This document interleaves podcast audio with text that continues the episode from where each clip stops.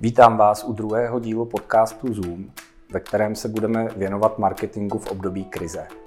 Když jsme před časem na našem blogu psali o přicházející krizi, sami jsme netušili, jak rychle se nám naše předpověď vyplní. Současná epidemická krize rychle přerůstá v krizi ekonomickou a ta vytváří obrovský tlak na velké korporace, ale i menší podniky. Najednou mají všechny firmy méně zakázek, než si plánovali na začátku roku. Ve velkých korporacích je na vrcholu nejvyšší management, který se musí zodpovídat akcionářům společnosti. A jestli akcionáři něco nesnáší, tak to jsou špatné kvartální výsledky. U menších firm to není lepší. Jejich majitelé jsou sice flexibilnější, ale i oni hledají řešení, kdy společnosti přestane vycházet cash flow. Tématem druhého podcastu Zoom je tedy marketing v období přicházející ekonomické krize. Sledujte nás na sociálních sítích, přidejte si nás na LinkedIn anebo odebírejte náš newsletter, který pravidelně připravujeme na témata marketingu, PR, vedení týmu a efektivní a aktivní komunikace. Ahoj Jardo, vítám tě v dalším z podcastů Zoom.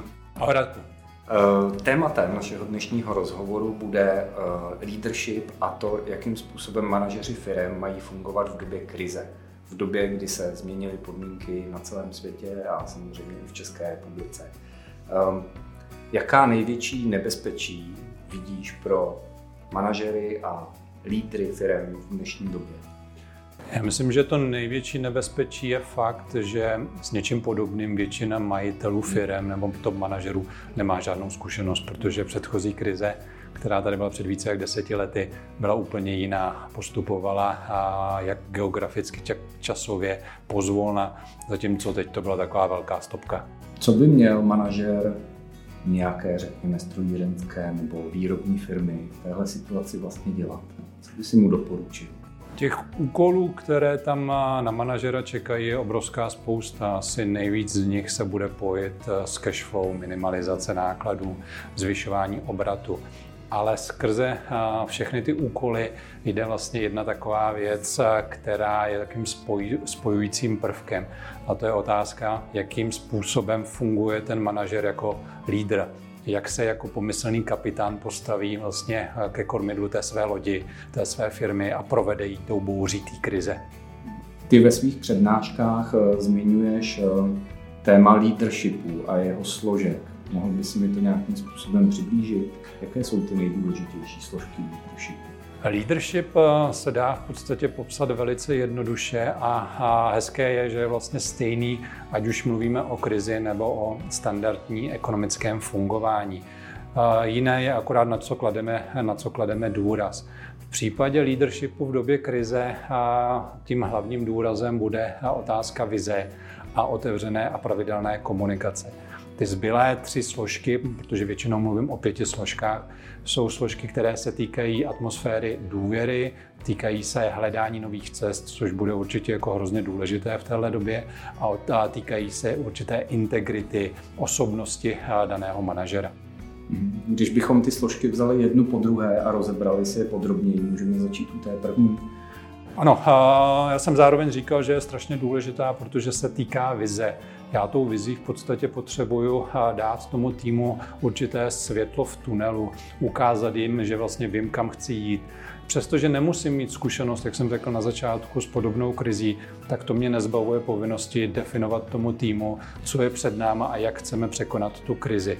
Zároveň to vlastně ten tým může spojit, protože společně koukáme na tu budoucnost a neobracíme svůj pohled do minulosti a nevzpomínáme, jaké to bylo fajn nebo jaké je to teďka nepříjemné. Takže vize je ta první. Ta druhá?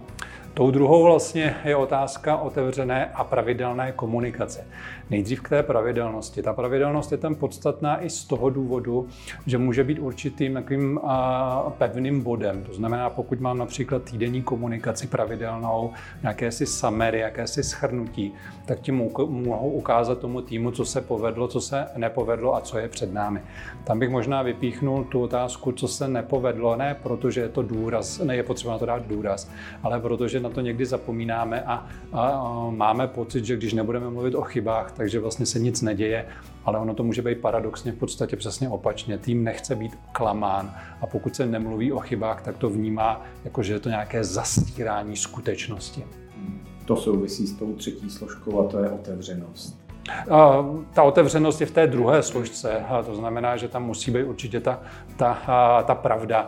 Lidé nejsou opravdu, jak jsem říkal, hloupí. To znamená, že pokud vlastně jakoby vidí, že to, co říkám, není pravda, anebo je to jakási mystifikace, tak tím vlastně jakoby ztratím, ztratím důvěru, což se týká potom vlastně té třetí složky, což je atmosféra důvěry. Eh, když bychom se na atmosféru důvěry podívali podrobněji, mohl by si vlastně eh, tuhle tu složku leadershipu nějakým způsobem popsat? Určitě ano, tam bych měl takové dva takové stručné komentáře. Tím prvním je eh, ten fakt, na který se velmi často jakoby zapomíná nebo se o něm nemluví. A to je to, že vlastně ve chvíli, kdy chci, když chci získat něčí důvěru, tak ji primárně musím sám dát. To znamená, že není možné, jako abych si řekl, já budu důvěřovat těm lidem, až oni budou důvěřovat mě.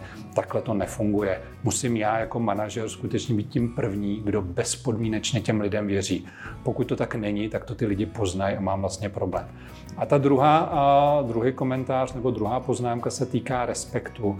A to nejenom to, ten formální respekt, ale i maximálně ten neformální. To znamená, jakým způsobem mluvím o svých spolupracovnících, zákaznících, partnerech. To je strašně důležité, ale stejně tak otázka respektu vůči pravidlům. To všechno v podstatě jsou zase takové záchytné body, které vlastně tomu týmu dávají jakousi oporu v té, v té době krize.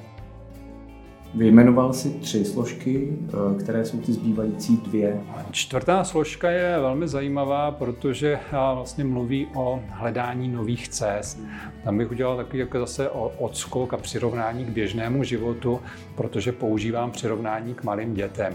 To první přirovnání říkám, buďme jako malí děti, kteří se, které se ptají proč, proč se nám ty věci dělají. Na co si musíme dát bacha v tuhle chvíli je, aby jsme se ne, nespokojili s odpovědí typu, protože jsme to tak vždycky dělali, protože to vlastně teďka nefunguje. Druhý, druhý přirovnání k těm dětem používám ve vztahu vytrvalosti. My jako malé děti jsme se taky vlastně potýkali se spoustou překážek, když jsme se učili chodit, běhat, mluvit. A v podstatě to co, to, co nás dovedlo do stavu, že jsme tohle všechno zvládli, tak byla ta vytrvalost. Takže Ptáce, zvídavost a vytrvalost, to je to, co bychom si měli vzít eh, jako příklad od těch dětí a být tak trochu jakoby sportovci, kteří říkají, ano, ty překážky jsou tady právě proto, aby jsme byli lepší. A tou poslední složkou? Tou poslední složkou je, eh, a nikoli eh, nejméně významnou, je i určitá osobní integrita vlastně mě jako manažera nebo majitele firmy protože na mě vlastně bude upřený velká, velká pozornost těch lidí ve chvíli, kdy budu k ním mluvit, ve chvíli, kdy jim budu definovat, kam chceme jít. To znamená, tady jenom takové dva komentáře. Tím prvním komentářem je vlastně fakt, že musím být příkladem. A ať už ve vztahu třeba k respektu, dodržování dohod, respektování mých kolegů, respektování mých zákazníků, protože to zase definuje určitý příklad vlastně toho, jak se budou chovat i, i ti ostatní členové mého týmu. No a tou druhou položkou, která je v podstatě strašně těžká, zvláště pokud se bavíme o krizi, je položka týkající se dodávání pozitivní energie. Protože pokud neumím dodat pozitivní energii, tak samozřejmě výkon toho týmu bude významně, významně dolů. Takže já se musím vlastně jako připravit na to, že eh, nebudu nabírat tu energii, ale musím ji dodat. Ti spolupracovníci mi jednou vrátí i s úroky, ale v době krize je to na mě a tenhle ten úkol mě v podstatě eh, nemůže za mě vyřešit nikdo jiný.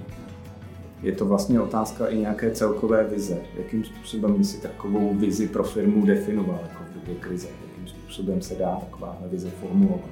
Ta, ta vize bude v podstatě uh, začínat s tím, že musíme vědět vlastně, co chceme udělat. Co chceme udělat nikoli z pohledu dlouhodobé, ale opravdu z pohledu té krátkodobé, jakoby, uh, krátkodobého pohledu. Protože uh, myslet si o tom, uh, co budeme dělat za tři, za pět let, v době, kdy vlastně tady přemýšlíme, jestli jakoby tu firmu bohužel nebudeme muset zredukovat nebo nedej bože zavřít, tak vlastně nedává smysl. Takže vize, spojení toho týmu, komunikace, důvěra a nezaleknout se tak jako ty malé děti, že když jsem upad na zadek, takže se vlastně nemůžu znova postavit. Jardo, moc ti děkuji, že jsi přijala pozvání do dnešního podcastu Zoom a doufám, že se nevidíme naposledy. A já děkuji za příjemný rozhovor a taky doufám, že se tady ještě jednou uvidíme. Díky.